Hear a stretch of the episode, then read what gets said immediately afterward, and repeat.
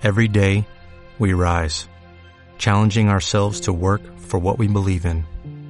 At U.S. Border Patrol, protecting our borders is more than a job, it's a calling. Agents answer the call, working together to keep our country and communities safe. If you're ready for a new mission, join U.S. Border Patrol and go beyond. Learn more at cbp.gov/careers. Ei, sí, a tu, que estàs a l'altre costat. Arriba a RKB Ràdio, el teu nou programa magazín, a cel obert. Tots els dies, de dilluns a divendres, a partir de les 4 de la tarda, t'esperem. Posem veu a les entitats culturals i associatives del teu barri. Posem en valor també el comerç de proximitat. Comunicació, quilòmetre zero. Amb entrevistes, música i moltes, moltes més coses. Recorda, t'esperem tots els dies, de dilluns a divendres, de 4 a 5 de la tarda, des de RKB Ràdio, a la 106.9 FM. Molt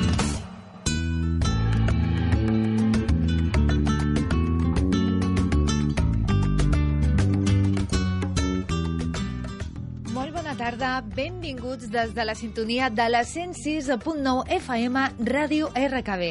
Nosaltres ara, quan passen 7 minutets de les 4 de la tarda, comencem el programa Ràdio a cel obert. Ja sabeu que us acompanyem tots els dies des de les 4 i fins les 5 de la tarda i us recordem que dimarts i dijous estem fent sempre a exteriors.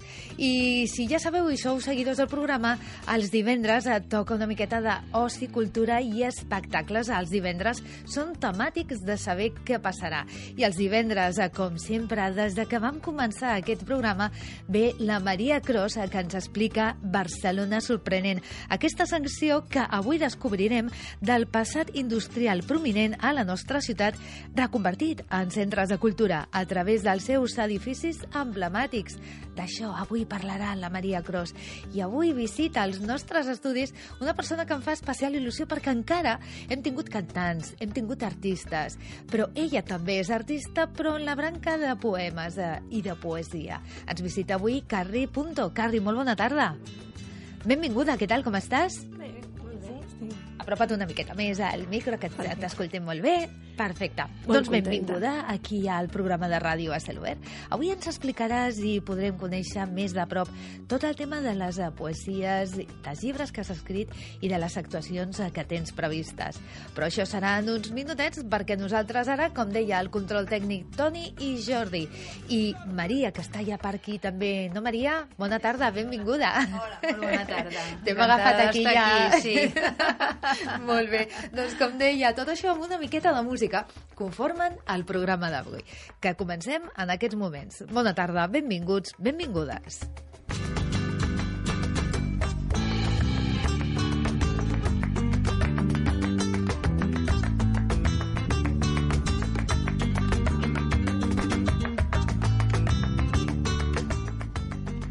Doncs, eh, com deia, avui descobrim una miqueta què és la poesia. Avui descobrem qui fa també la poesia, perquè ens visita la poetesa Carri Punto. Carri, molt bona tarda, benvinguda, com deia. Bona tarda. Bé, per la gent que no et conegui, eh, qui és Carri Punto? Com et Mm. podries definir? Doncs la Carri Punto és una persona que ha anat tota la vida escrivint i veient la vida com, pues això, d'una manera molt poètica Uh -huh. i que actualment treballa a través de la poesia i també de, de, de l'acompanyament a través de d'arribar a la consciència a través de les arts, especialment de la, de la poesia. Sí. Eh, veig eh, que tens, eh, almenys el, has portat ara el llibre que està quasi recent estrenat, que està todavía quasi en imprenta, no? recent sortit no? al carrer, que es diu, o hi porta per títol, Aventures eh, poètiques. Elige tu propio viaje poético. Carri i punto. Què ens expliques aquí, Carri? Sí, en aquest llibre el que hem volgut treballar és des de mm, com podem arribar a, a donar-nos del que ens passa a través de la poesia. És una eina molt forta i que, a més, una mateixa poesia pot arribar de moltes maneres diferents a diferents persones. Uh -huh. I en aquest llibre el que hem volgut fer és això, no? entre l'associació amb la que treballo, hem volgut treballar des d'aquí i des d'una visió una mica romàntica del, del tema, ja que aquest llibre és com un camí, realment un camí que l'esculls tu, eh, pots escollir una paraula i d'aquesta paraula t'emporta una altra poesia i així va. I dintre d'aquestes poesies, al finalitzar, hi ha un exercici per exercir la consciència, per poder moure tot això i per veure que realment la poesia està dintre de tots nosaltres i totes i, i això ens porta a viure millor. Mhm. Quants llibres ja tens editats de, de poesia, Carri? Doncs jo he he fet... Eh, els primers que vam fer van ser llibres amb un projecte que vaig fer de qüestió d'enfoque que tractava de buscar poesia i fotografia, també sempre m'ha agradat molt la barreja, i aquest és el tercer. Aquest és el tercer, però sí que jo sóc terapeuta des de fa un any, i aleshores aquest eh, és el que realment aglutina aquestes dues coses eh, actualment. Els Ah, altres eren molt més poètic i, i això, no? Sí, perquè t'anava a preguntar, des de que vas començar a escriure, que eres molt petita, fins ara, has canviat molt la línia al fet d'escriure? És a dir, han canviat molt de línia les teves poesies o han mantingut sempre un mateix eix, per dir-ho d'alguna manera? Clar, això és molt difícil de contestar perquè seria com dir si, si jo he canviat no, com a persona i evidentment he crescut, la poesia que faig és molt diferent, però a vegades me n'adono en aquests recitals que faig i en aquestes connexions poètiques que jo els hi dic en directe, doncs eh, això, no? que una mateixa poesia que per mi és una poesia que poder era molt adolescent i ell parlava de- d'un amor determinat amb una persona que agafo i que faig de 50 anys li, li, bueno, li entra com si fos la primera vegada que li passa, no? I vull dir que són com atemporals, no? Clar. I en què t'inspires? A l'hora d'escriure, què és el que t'inspira? El dia a dia, la gent, el veure un paisatge... D'on treus una miqueta aquesta font d'inspiració? A mi m'agraden molt les metàfores, en realitat. Tinc un poema que es diu Receta sexual, que parla de fer una truita de patates. Però clar, el títol ja parla d'una altra cosa, no? I és això, Sí, no?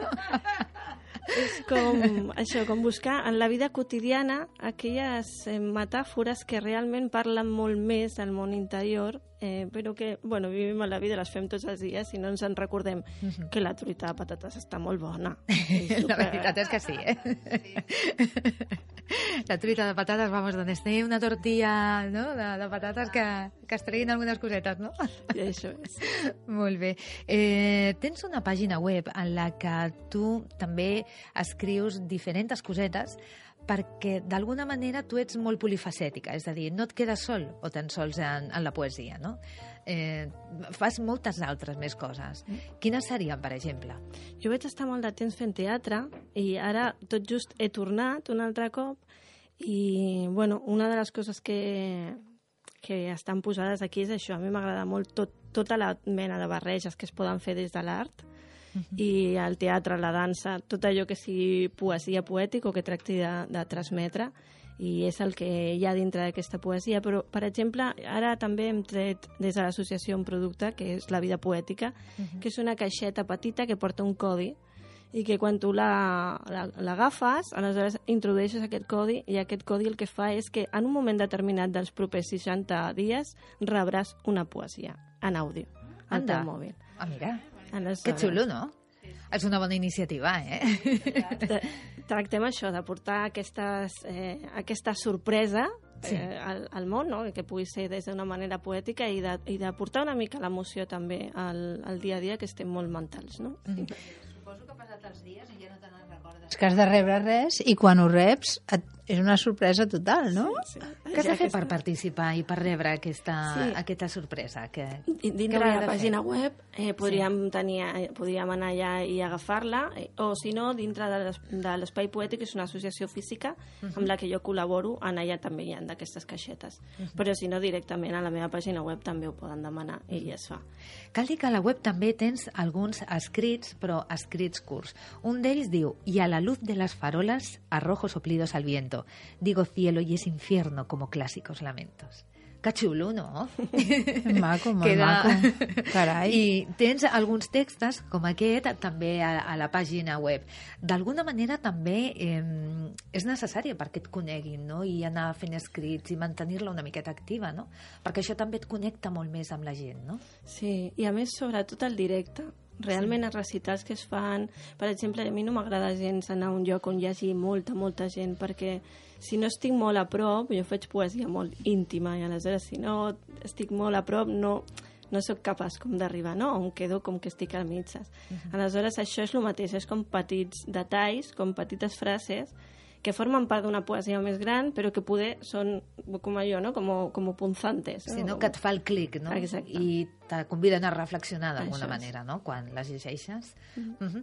eh, veiem que també en la pàgina web eh, està el teu llibre El recién salido Aventuras Poéticas Elige tu propio viaje poético i aquí l'has escrit tu sola, tens col·laboració d'algú més, eh, estàs amb més gent, eh, com has fet una miqueta el tema de, de poètic? El, el, jo treballo en una associació que es diu Mystery Events i amb aquesta associació sí que he rebut doncs, l'ajuda, doncs, la contraportada d'edició, sí. de, de, de, la, la portada, la fotografia, que és, sí. que és fantàstica. Doncs, eh... Per cert, qui te l'ha fet? Perquè és així com una fotografia com de la tardor, queda molt xula. Pues, eh, és de Josep Martín, és un fotògraf que també treballa dintre de l'associació i, sí. i, i bueno, vam estar pensant sobre això, no? que portés aquest, aquesta idea d'aquells llibres de Escoge tu pròpia aventura quan eren petites, pues, ah, sí pues és el mateix, no? una mica buscàvem aquesta cosa de los Goonies o que, aquesta, com que fos algo com misteriós. Sí. I dintre de l'associació pues, és això, hi ha molta gent que m'ha ajudat a tirar-ho endavant, uh -huh. sobretot perquè tots treballen des d'aquí, des de l'art i des de l'autoconeixement, i aleshores pues, uh -huh estem tots molt interessats en que tot tira endavant. I tant que sí. Eh, justament a la contraportada diuen dicen que la primera línea de la contraportada es lo más difícil de escribir en un libro. Pues mira, yo ya lo pasé y resultó emocionante. Así que estamos los dos saltando de línea en línea, de emoción y de emoción, de silencio en silencio. Imagino que a l'hora de llegir la poesia és això, no? Llegir entre línies, sentir aquesta emoció i també fer aquests silencis, no? que també parlen. No? I tant, sí, sí, és molt important. Quan començava a recitar eh, és gairebé tan important el fet de parlar com de mantenir l'espai suficient com perquè arribi, no? O uh -huh. respirar. I el silenci en una poesia és tan important com el ritme. Entre la magia y la poesía hay una línea muy fina de texto entre el párrafo y el capítulo, un espacio sutil de silencio. Entre tú y yo, un mundo de letras y emociones por recorrer. Es chulísimo, ¿eh? Al texto aquí. si quieres convertirte en un jinete épico, pasa a la página 144. Si quieres ser una rata que no sabe decidir, pasa a la página 35. Y si lo que quieres es vivir una experiencia de conexión contigo mismo, emocionate y mágica, relájate, siéntate i disfruta de aventuras poètiques. És un llibre que eh, et convida a llegir-ho ja perquè jo quan de, llegeixo pàgina 144 ja aniria. Ja, la sí. 35 ja, a, a veure què dice, no? Sí, sí. ja et convida, no?, també la, la contraportada. Imagino que la feina de preparar portades, contraportades, independentment de les poesies, també té la seva feina i també té el seu temps, no? Sobretot en aquell llibre el que a mi m'ha costat molt és el fet de relacionar les poesies, perquè clar, dintre de... Jo puc intuir que una poesia pot portar la paraula desesperació, perquè dintre del llibre, a l'acabar cada poesia, hi han sis paraules que tu pots triar per anar a un altre lloc. Aleshores, ah. aquest viatge emocional, això és el que més m'ha costat, realment, que vaig haver de compartir-ho, de provar-ho molt dintre de l'associació, amb una persona, amb una altra, per veure si funcionava i feia aquest recorregut. Uh -huh. I aleshores pues, tenia mapes, realment. Aquesta, això, això és amor, això és romanticisme, això és no sé què. I aleshores, això és bàsicament el que més ha costat. Uh -huh. Comentaves que havies aplicat eh, la tècnica gestal no? uh -huh. a les uh, poesies. Com es fa aquest mix? Precisament relacionant aquestes emocions d'una poesia amb l'altra o és d'una altra manera o simplement és que el text de la mateixa poesia ja també és com una petita ajuda quan ho llegeixes? En aquest llibre no hi ha molta poesia que jo li dic gestàltica perquè real, sí que hi ha algunes però no totes parlen d'això des de la connexió del moment. Uh -huh. Però sí que el que fa el llibre és quan tu acabes de llegir un poema hi ha un exercici per si vols treballar el que t'ha passat aleshores et provoca. Però si hi ha un exercici que pot parlar de l'abandonament o d'aquest sentiment, a l'acabar hi ha un exercici més. Poder dibuixar, mm, poder estigues en silenci, buscar un espai... I a partir d'aquí anem fent eh, això, com un viatge també per augmentar la consciència, evidentment.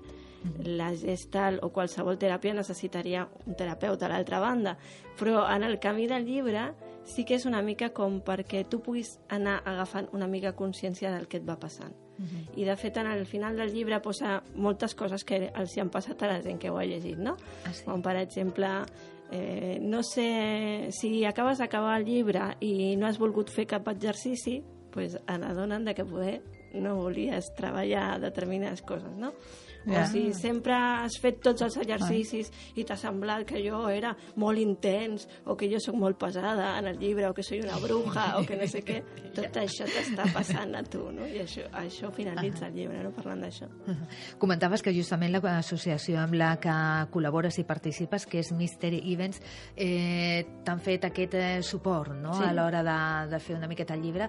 Amb aquesta associació també eh, comentaves que feies obres de teatre, no? I perquè d'alguna manera ets molt polifacètica també, perquè t'atrau d'alguna manera. Eh, no sé si en obres de teatre hi ha representacions tan poètiques de vegades, o aquestes obres, o a lo millor quan fas les obres de teatre són altres aspectes, són altres temes. Eh, com et desdobles, d'alguna manera? Eh, fa temps jo vaig fer una obra que tenia a veure amb els meus poemes i sí, era molt, estava molt buscada el tema de la poesia, ja sigui visual, hi havia dansa, estava tot molt cuidat. Realment, clar, jo ara mateix estic escrivint més que, que dirigint. Aleshores, la, la proposta, doncs en aquest cas, que tenim una obreta que sortirà a Madrid, en aquest cas el director, que és el Daniel Monterroso, ell doncs, farà la seva proposta. Però sí que és cert que quan fas determinats tipus de... Sempre és una, un, un teatre molt, molt profund. No és una comèdia... Pot ser, sí, ligera, però t'estic parlant d'algú que realment és important, no?, del que està passant. I en aquesta última parlem de l'amor i de les relacions humanes, què, és l'amor i fan son arriba, Mm, és amor a l'amor fins amb la mare, amb l'amic, o amb, bueno, pues, aquest tipus de cosa. I, però realment sí que quan jo he estat en direcció, a mi m'ha agradat sempre posar-hi aquest puntet de delicadesa amb el que transmets, que, perquè sigui poètic. Mhm. Sí, perquè d'alguna manera et transmetin aquestes emocions a l'hora de que ho estan dient, no? I que estan parlant de temes que ens ocupen i es preocupen d'alguna manera, no? Que no és una obra potser tan mediàtica, però que sí que t'arriba perquè hi ha aquell punt que tu t'arriba precisament perquè necessites en aquell moment aquest missatge, no? Que et diuen que no és per casualitat, és a dir, eh, si trobes un llibre, és el llibre que t'ha d'arribar i que és el moment que l'has Sí. de llegir. Si vas a veure una obra de teatre, el mateix, és perquè esa obra de teatro la tienes que ver porque es el momento para ir a verla, ¿no? Per exemple, no? I diuen que és que tot t'arriba, no?, al final, que tot, Sí. sí. tot, tot, tots són un cúmul de, de senyals, a lo millor, no? I això és el que passa quan fem lo de... Quan jo estic fent les connexions poètiques, és això, jo trenco un, un baúl que tenen unes, uns pergaminos petitets, mm. i aleshores la persona treu un Sí. i jo li recito aquell poema i li recito captant la seva energia i aquella persona connecta amb el que està en aquell moment, d'una manera màgica, per això que tu dius, que dius, eh, t'arriba el que t'ha d'arribar. Clar, perquè la consciència està preparada per veure el que necessita veure. Aleshores, és això. I en quins autors a nivell poètic admires? A qui segueixes? Quins, quines serien les teves influències? Bueno, en realitat jo estic molt, amb, ara mateix estic molt amb tota la línia de, de poetes que estan a Barcelona, que surten la, amb la poesia parlada, eh, com pot ser un Salva Soler, que és un eslament molt, molt famós, eh, o, O sigui, són de la nova generació, a la nova d'alguna manera. generació, sí, Ahà. sí. Ah, Tot i que sempre hi ha clàssics, no? Però Sí. realment a mi el que més m'agrada és la poesia que es recita, la poesia que, que t'arriba des de l'expressió de la pròpia poesia amb l'emoció que entrega el poeta. la, re- la, la poesia que llegeix també arriba i arriba d'una altra manera, molt més íntima.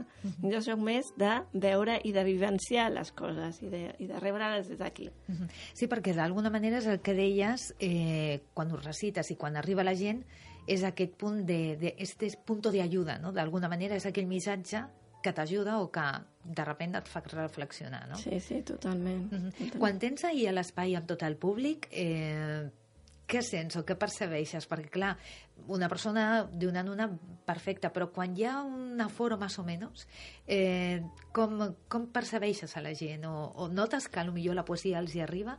Com ho vius? És, eh, realment per mi és molt raro, perquè és com si jo entrés dintre d'una bombolla, i això m'ho ha dit moltes vegades el públic, no? Ah, Es sí? crea com una Sí? cosa... Sí, es crea com una... Jo, per exemple, no faig micro, no, no utilitzo micro mai, ho faig amb espais petits, després encara que hi hagi, hi hagi 60 persones, m'és igual.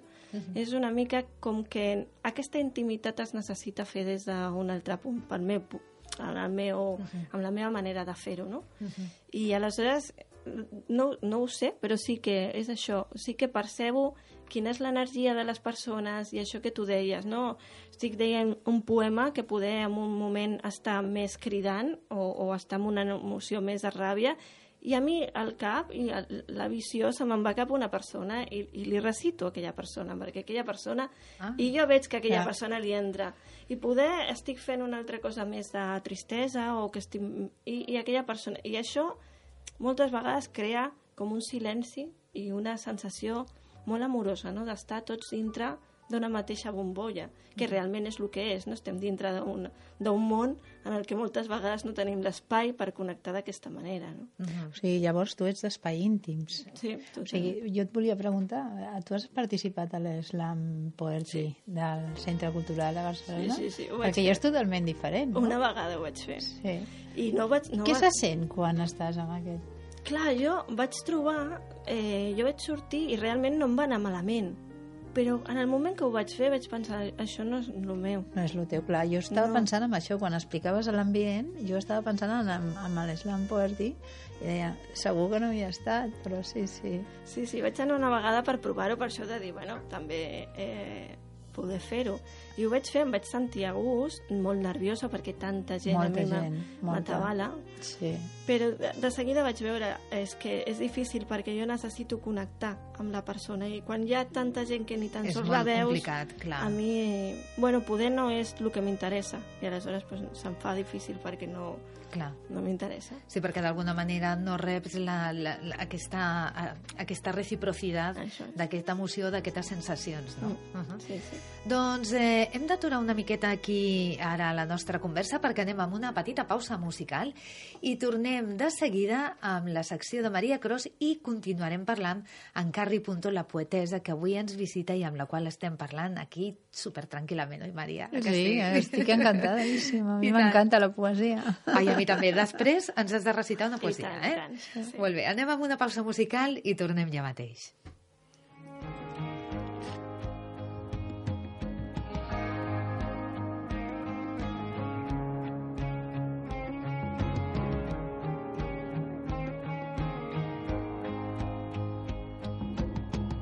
De todas las mujeres que habitan en mí Seguro que hay algunas que yo ni conozco. Inevitablemente ya me acostumbré a dejarle a la izquierda lo que no controlo. Dices que hace un año que no estoy aquí. Acaba de caer un jarro de agua fría en este túnel nadie nos podrá escuchar. No hay cobertura de tu boca, la mía. Inventas una excusa más y te lamentas. Mi lector de ojos no te encuentra, como si que encuentra tu intención. Accedes a mi manual de tú no puedes. Detectas el fallo y te me creces vas al rojo ganador, vas al rojo ganador.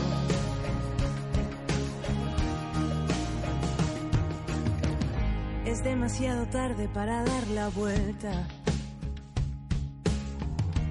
Demasiado pronto para saber quién soy. Mi vida se quedó rondando alguna puerta, alguna puerta, pero también saltó a pleno pulmón. Las tornas van cambiando y yo no pido cuentas. En más de una ocasión me he jodido yo. Vencí al delirio por la escuadra y sin grandeza. Y nos vamos a la cama, sigue siéndonos. Una excusa más y te lamentas lector de ojos no te encuentra, como si que encuentra tu intención. Accedes a mi manual de tú no puedes, detectas el fallo y te me creces, vas al rojo ganador. Inventas una excusa más y te lamentas, mi lector de ojos no te encuentra, y que encuentre tu intención. Accedes a mi manual que tú no puedes, detectas el fallo y te me creces. Vas al rojo ganador, vas al rojo ganador.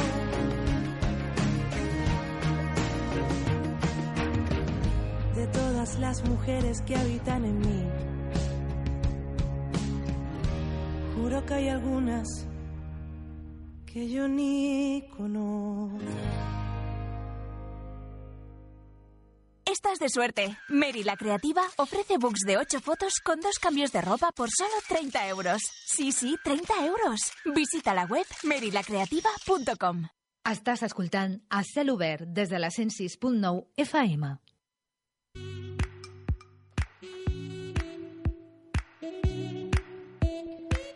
I continuem aquí en el programa de ràdio a cel obert des de la sintonia de la 106.9 FM i ara estem d'escoltar a Maria Cros. Maria, molt bona tarda de nou. Hola, bona tarda. Hola. Una altra vegada aquí. I, I tant que sí, com cada divendres, eh? Mhm. Deia que estàs amb nosaltres des del principi, principi, eh? Sí, sí, sí, encantada. Primer estava molt nerviosa perquè deia, "Home, com ho faré? Perquè tot això és nou per mi, però bueno, m'encanta transmetre tot el que a mi m'agrada també. I a més que ho fas a les mil meravelles, vull dir, Uau. perquè ens transmet aquí aquesta Barcelona sorprenent que sempre ens deixes així amb eh, la curiositat de què anirem a veure aquest cap de setmana, eh? Doncs avui ens portes una miqueta aquesta reconversió des del passat industrial fins a les hores avui en dia, no?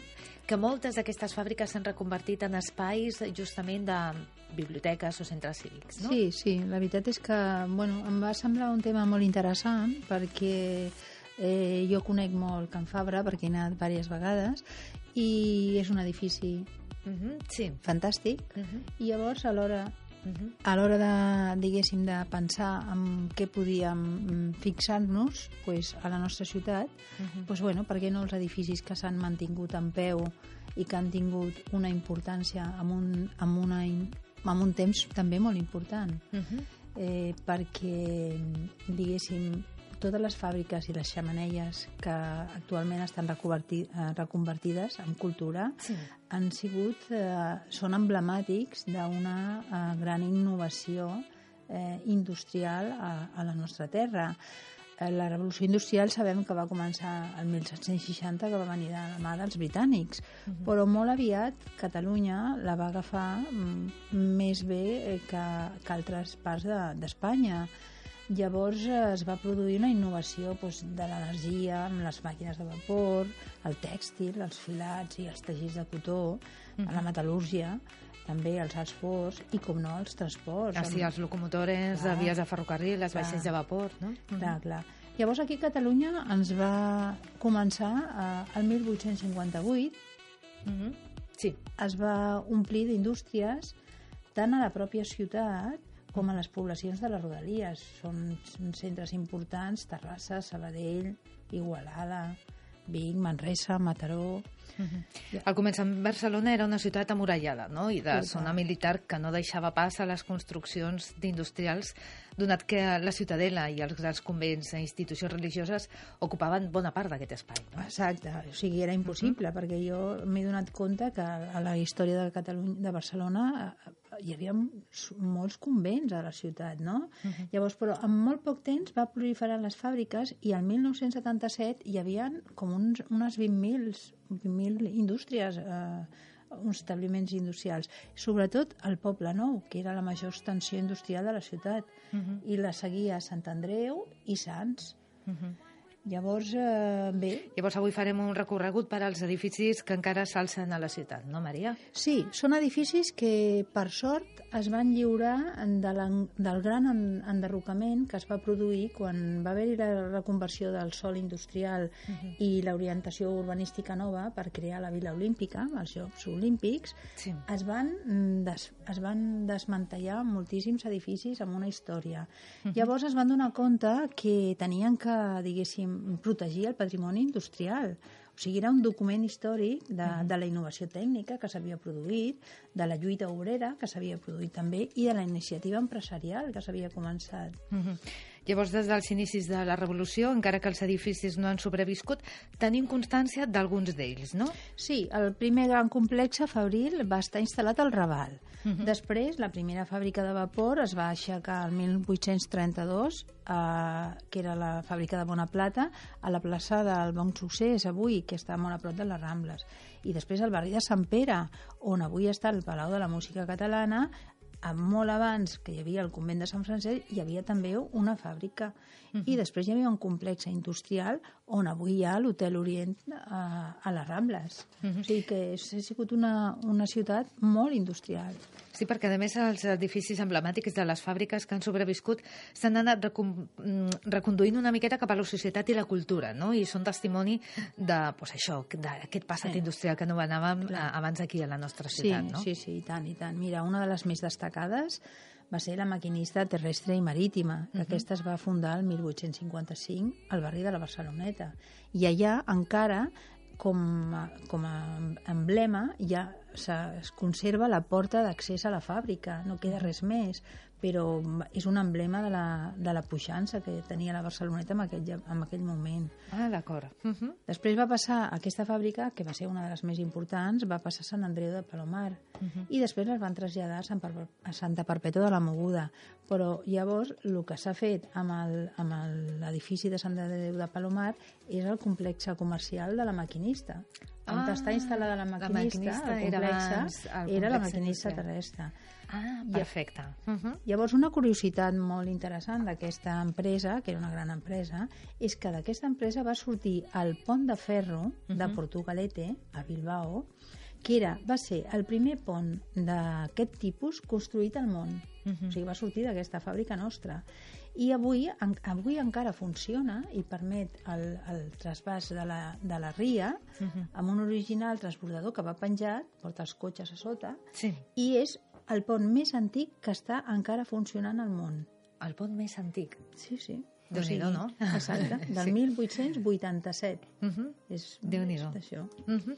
També s'ha de parlar eh, de la fàbrica Fabri Coats amb la seva ximenea, no? que sí. és una important, va ser una important fàbrica de filatures fundada el 1839 al barri de Sant Andreu, no? per la família Fabra. Sí, uh, uh -huh. aquest, aquest complex uh, cultural que es diu Can Fabra uh -huh. és, és molt gran i molt important perquè eh, avui en dia és un centre mm, que es diu Fàbrica de Creació de Projectes Artístics. Uh -huh. Té la seva biblioteca, la Ignasi Iglesias, el Casal del Barri, té un espai cultural molt gran, però uh -huh. aquesta, uh, aquesta fàbrica de filats mm, va ser una de les primeres que va adoptar un model empresarial sorprenent per aquella època, uh -huh. perquè, diguéssim, tenia uns 1.500 treballadors i a vegades va arribar fins als 3.000.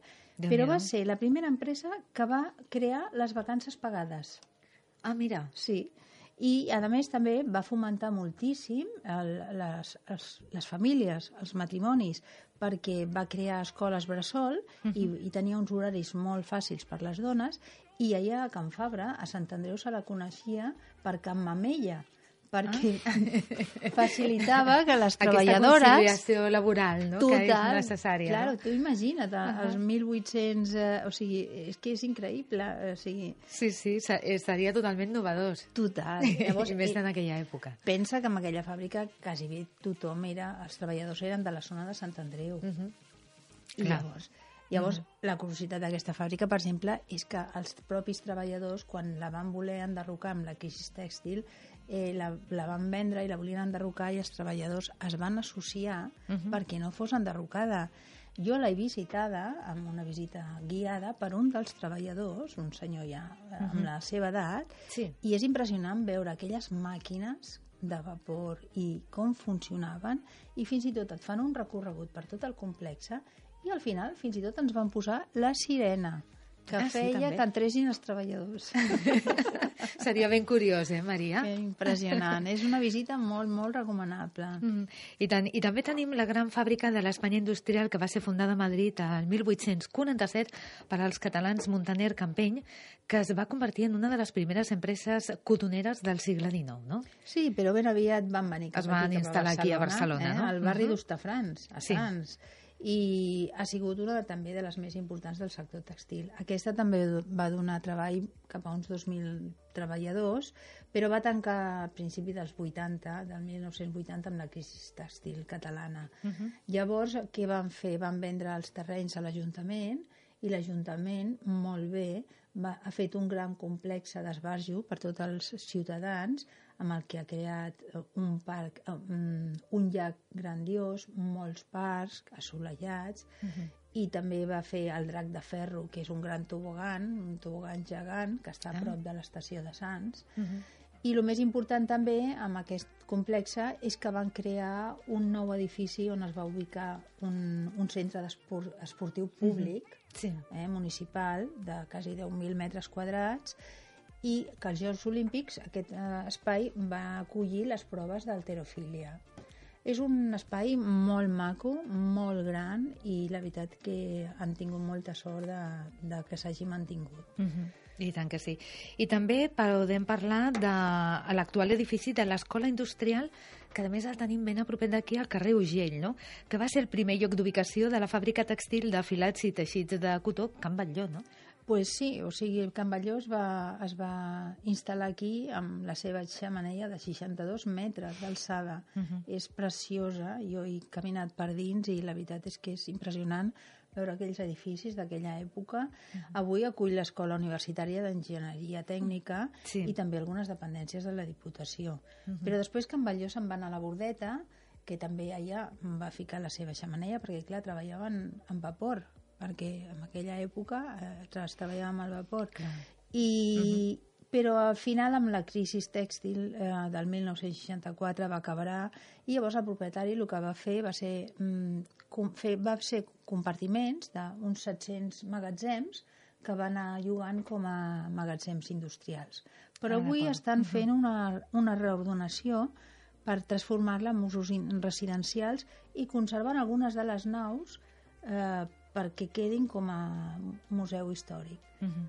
I ha de ser preciós eh, estar per allà dintre i, i, i mirar-ho, eh? Sí, la I veritat és que jo trobo molt important que mm, s'adonessin compte de que s'havien de preservar tots aquests edificis. Perquè Sí, perquè són- d'alguna manera no sols ja per a contingut d'història, sinó també per al manteniment de totes les estructures que sí. i del que va ser i que pot ser Sí, encara avui en I dia. són no? edificis modernistes molt macos tots ells. Mhm, sí, sí. Tenim uns quants també perquè podem parlar que a prop dels carrers Galileu, cantonada en Valladolid, es va fundar el 1844 la primera gran fàbrica de vapor, no? que va estar al municipi de Sants, que era el Vapor Vell. Exacte, el vapor vell... Mira, a la- a l'escola industrial se li Sí. deia, a la, diguéssim, la, es deia mm, vapor nou, perquè és més, més posterior. El Ah. vapor vell se li deia el vapor vell per això, perquè era de, del 1844. Sí. I també té una xamaneia de 54 metres d'alçada. És important, quan vas i veus les- aquelles xamaneies tan altes, dius, ostres, que fort. Sí, no? Quines alçades, no? I aquesta, aquesta mm, empresa, aquesta fàbrica, avui en dia acull la biblioteca que es diu El Vapor Vell. Una Vapor Vell, a la, la sí. biblioteca que és Sí, ara. sí, sí. També podem parlar de que a Sants, a la plaça de l'Olivereta, amb carrer Begur, tenim la fàbrica tèxtil Manufactura Serra Valet, amb la seva xamaneia també de construcció, aquesta més modernista, no? Exacte, sí. Que ara, per ser, és la seu del Club Natació Sí, Mediterrani, exacte. Vull dir que els barris avui en dia tenen la sort de tenir eh, establiments ubicats en edificis eh, antics. no? sí, Mhm, sí, I tant sí. que sí. Parlaríem també de la fàbrica de Casa Ramona, que Bueno, també amb la seva torre sí. Aquí ja és... Eh, que per cert avui en dia és a l'actual centre d'exposicions de Caixa Fòrum, no? Exacte, aquesta sí que ja és una fàbrica impressionant, grandiosa, molt ben conservada i, i aquesta no té xamaneia doncs, perquè ja funcionava amb energia elèctrica. Ah.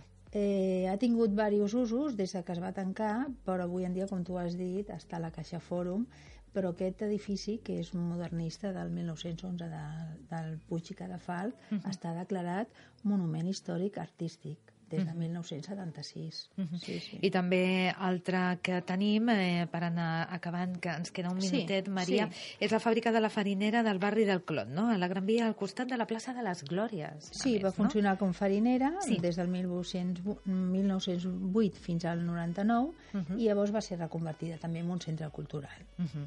I tant que sí.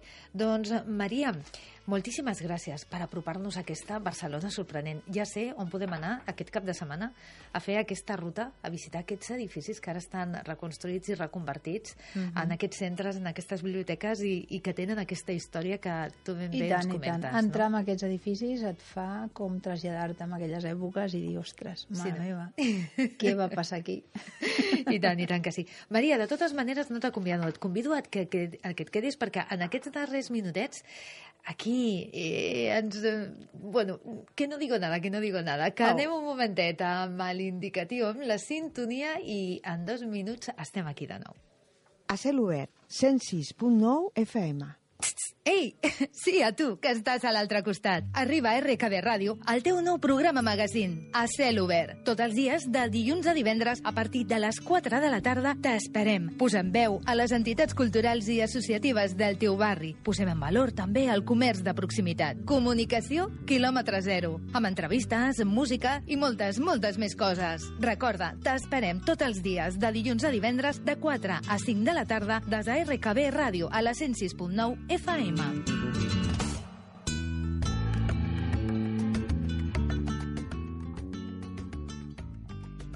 I continuem en aquests minutets. Ja sabeu que avui divendres dediquem el nostre programa a l'espai de cultura i justament avui, eh, Maria, comentem i, i, i, sobre el tema de la poesia. Perquè, Carri, continuem parlant amb tu. Carri, punto. Eh, nos ha, ens has traslladat en la primera part d'aquest programa amb aquesta sensibilitat i amb aquest espai poètic que justament eh, vull que comentis, perquè tu col·labores amb Espai Poètic i tens diferents actuacions on la gent et pot veure, no, Carri? Sí, l'espai poètic està a Secretari Coloma número 42 Sí.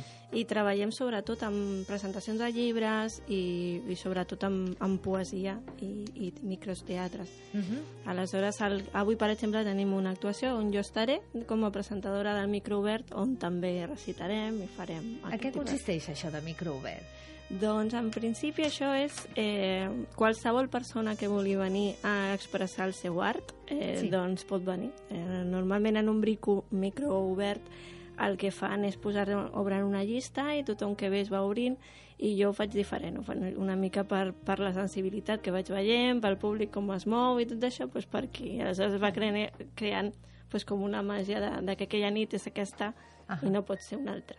Quin ambient té aquest, aquest espai? Més jove, eh, de tota Ja, ja de totes les edats. Sí? sí? O sigui, la poesia avui en dia interessa tant als joves com als grans? És més complicat als joves, però mira, la setmana passada m'han convidat per anar amb un professor que també és poeta, que va presentar el meu llibre, va portar diversos, i, em van, i els, els hi va encantar. Van Ostres. veure que la poesia també forma part i que també es pot llegir d'una manera divertida i m'han convidat per anar a classe. Ah, molt bé. A Vull que dir que sí. no? Sí, sí, dir que sí, és és per una tothom. experiència nova. Sí, sí, sí, total. totalment. Sí, sí. I tant que sí. Eh, també eh, tinc entès que tens, eh, a banda de les poesies, que feu una jam de poesia gestàltica. Sí, això ho fem cada dos mesos també en l'espai poètic Sí. i normal, eh, el que faig és convidar un terapeuta que sigui més o menys amb el que jo m'he relacionat i més o menys conegut i parlem durant una estona, fem entrevista i parlem sobre coses que tenen a veure concretament amb això. I després tri, he triat tres poetes o tres persones relacionades amb l'art que els he donat tres temes gestàltics per portar temes, o sigui, poemes, textos, eh, coses. I són com una espècie de provetes que tenen ells que fer i, i aleshores l'última vegada va estar molt bé, va venir mo- bastanta Va gent estar- i va estar molt, molt bé. I ara la propera quan la feu? El 23 de febrer, o sigui, el dissabte. Ah, O sigui, la setmana que ve està propet, no? Sí, sí, Ah, està molt... A l'espai poètic, al Vale. secretari Coloma 42. Val, molt bé. L'espai poètic està a Secretari Coloma, no? Comentes Mhm, a sí. 42. Vale. I aquesta nit és quan tu fas la presentació A les 9. a les 9 i el que estem parlant del dia 23 és altra cosa diferent, La no? la Que jam és gestàltica. La jam gestàltica. Val, I què és, perfecte. per al matí o per la tarda? A, a la nit, normalment A la nit. entre 8 i 9 comencen els esdeveniments. Sí. Aquesta Ah. nit és a les 9 i el, crec que el dia 23, ara no ho sé, ara igual em maten, però no sé si és 8 o no. Que jo, però, però, però, prova. jo m'hi penso anar, perquè m'interessa molt. Molt bé, doncs això. Jo si puc també m'escaparé, eh? Pues que, serà fantàstic. Sí, perquè a més és que és com que, no sé, se, se Sí. crea una energia, no? Clar, De- sí, sí. Es crea ja aquesta màgia, no? Vull dir que això és veritat. Però sí que és cert que la poesia és el vehicle i és el canalitzador, però tu també ajudes molt a que això sigui possible, eh? Sí, això és... Perquè bueno, forma part de tu, vull Sí, dir que... sí. Ah no? Mo- Eh, tinc un- una capacitat molt fàcil de fer de canal i d'empatitzar amb l'altre. Aleshores, moltes vegades me n'adono que estic sentint com sent l'altre, no exactament com jo. Mm? I Ah. això, clar, fa que sigui molt fàcil de... Clar, aquesta de- connexió, de, de no? connexió. Sense la connexió, aleshores, jo em veig perduda, no? Sí, sí, sí. Ah, Escolta, no voldria que marxessis d'aquí sense que et recitessis una poesia, la Molt que tu bé. vulguis, del llibre o la, la que tu decideixis. Molt bé. Faig ara, sí? Doncs vinga, sí. Us sembla? Sí, vinga, t'escoltem. A veces veo ovejitas saltando alegremente las vallas en donde fueron encerradas. Una, tras otra, saltan ajenas al movimiento perverso que les obliga a hacer mi mente. Obedecen, ciegas y felices. Y a veces retornan tristes al cercado, como agotadas de su propia existencia, como cansadas del mundo exterior sintiéndose sencillamente solas entre todo el rebaño que las acompaña. A veces veo ovejitas saltando iracundas las vallas en donde fueron encerradas. Sus botes son cada vez mayores y normalmente acaban rompiéndose algo o peleándose con las demás. Alguna finalmente me mira enfadada. Se acerca, pretenciosa, y simplemente replica. Si quieres soñar, sueña. Pero no te hagas la dormida porque entre tanto ir y venir estás olvidando hacia dónde ibas. A veces veo ovejitas saltando asustadas las vallas en donde fueron encerradas. Huyen como locas, despavoridas, de un lobo negro y salvaje que las persigue, amenazándolas y que normalmente no sabemos si lo que quiere es comérselas o jugar con ellas al escondite. Y a veces, solo a veces, veo a las vallas saltando sobre las ovejitas y veo a las ovejitas haciendo una barrera estiradas en el suelo, soltando carcajadas al aire y burlándose del sistema de protección que las obligó a encerrarse. Que xula, no? Quin final més maco. Sí, no? M'encanta. Sí, perquè a més li poses aquesta emoció, no?, de, que transmet no tan sols en la poesia, sinó en la forma de que, que tu ho dius, no? Doncs recordem, aquesta nit a Secretari Coloma 42 eh, faràs tu la teva exposició de poesies uh -huh. i llavors el dia 22 o 23, 23, 23. 23 que m'ha apuntat Sí, també l'Slam. el- l'Slam El- poètic. el- el La jam de poesia el jam, això, sí, el de poesia gestàltica. Eh, penso que no em deixo res més, eh, però voldria comentar-te un tema del llibre d'aventures poètiques, Sí. eh, que seria aquest que ja hem parlat. Sí? Sí. Més que res per no deixar-me res en el tintero, que després saps allò que diguis ai, eh, que no he parlat d'això, és les connexions poètiques, uh Mhm. -huh. que ja també hem parlat d'ella, i aquesta poesia i aquest jam de poesia gestàltica, no? Vull dir que són aquestes connexions o aquestes sessions eh, que tu fas sí. mitjançant la poesia justament a Secretari Coloma 42. Doncs... Eh, vols dir per, a, Sí, per finalitzar? molt important que se sàpiga on està el llibre. Sí, perquè, on el podem trobar, per Això. cert, sí. Sí, està a la llibreria Etcètera, que està al Poble Nou, una llibreria que col·labora amb nosaltres, i també pues, en l'Espai Poètic sempre hi són. Uh -huh. I qui vulgui trobar-te, eh, per redes socials, per les xarxes socials, et pot trobar Sí. eh, a la pàgina web, tens a telèfon, Facebook, Sí. Instagram, Sí, sí, no? està tot. Carri Punto a Facebook i misterievensbcn.com. mysteryeventsbcn.com a, Per, per la pàgina per la web. pàgina web. Perfecte. Doncs ens queden ja molts poquets minuts, Maria, que ràpid ha passat també el temps, Sí, eh? la veritat Se'ns passa l'hora volant, eh, al final. sí. Se'ns passa l'hora volant. Eh, Comentar-vos, abans de marxar, una miqueta la programació per la setmana que ve, que ahir és nada, eh? eh per les persones de que ja sabeu que seguiu aquí el programa de 4 a 5 de la tarda de dilluns a divendres, us avancem que el dilluns visitarà aquí als estudis la gran Ana Maria La Justícia. Ja sabeu que és exacte, sí, sí, ja, ja m'has posat una careta, eh, Que Maria? fort. Sí, sí, sí. Vindrà la Maria La Justícia, que per cert no dona gaires entrevistes, però justament vindrà als estudis de la ràdio per al programa de ràdio a cel obert. Això serà el dilluns. No m'ho puc perdre. Ja saps, doncs esteu convidades a venir, eh? Oh, és una eminència. La veritat és que sí, no solo del magnesio, sinó que No, d'altres moltes- d'alimentació, d'alimentació, de sí. de les lecitines, de, de Sí, tot no, una no, miqueta, parlarem amb Sí, ella. interessantíssima. Jo, Sí. sí. quan era molt jove, t'estic parlant de 30 anys, l'havia llegit moltíssim Sí, i és sí, una sí. dona que es veu que es manté molt bé. Molt bé, i a més molt jove, perquè té ara, si no ho tinc mal entès, eh, 80 i pico, alts, llargs, no? em sembla, sí, llargs. Sí, Sí, sí, ara no voldria dir una edat per l'altra, però sí, sí, està Oi, passat als és 80 i està superàgil, quantitat de bé, i a mi em fa especial il·lusió que quan m'ho van dir, dic, Oh. ostres, Ana Maria la Justícia aquí, que la podrem entrevistar, tot un luxe i tot un plaer, així que ja sabeu, el dilluns no us ho podeu perdre. Els dimarts, com ja sabeu que els dimarts i els dijous anem itinerants fent la ràdio a les diferents biblioteques i centres cívics, el dimarts ens toca al Casal del Barri Espai 210, al carrer Padilla 210, baixos al barri de Sagrada Família. Des d'allí, el dimarts, farem el programa en directe. I el dijous, en el barri de Sant Antoni, estarem en directe des del Centre Cívic Cotxeres Borrell, al carrer Viladomat 28 d'aquí de Barcelona. Ja sabeu que si voleu venir a veure'ns en directe, dimarts estarem a Sagrada Família, al Casal del Barri Espai 210, i el dijous al barri de Sant Antoni, al Centre Cívic Cotxeres Borrell, carrer Viladomat 28, i que el dilluns tindrem aquí i podrem entrevistar als estudis a la gran Ana Maria La Justícia. Cal dir també que no tan sols per aquí podeu escoltar-nos a, a Ràdio RKB des de la 106.9 FM, sinó que també podeu, o sigui, podeu escoltar-nos a través de les xarxes de la revista A Cel Obert. Ja sabeu que la revista es troba en els diferents establiments dels diferents barris on estem i que si voleu pues, anar i que el vostre anunci o que la vostra activitat que feu eh, surti a la revista, ja sabeu que és mensual i que teniu una adreça a la pàgina web a cel obert que us podeu dirigir. També podeu escoltar els programes i també veure com estem aquí en el Facebook Live, justament a les redes socials, a les xarxes socials de la revista A Cel Obert, facebook.com barra A Cel Obert.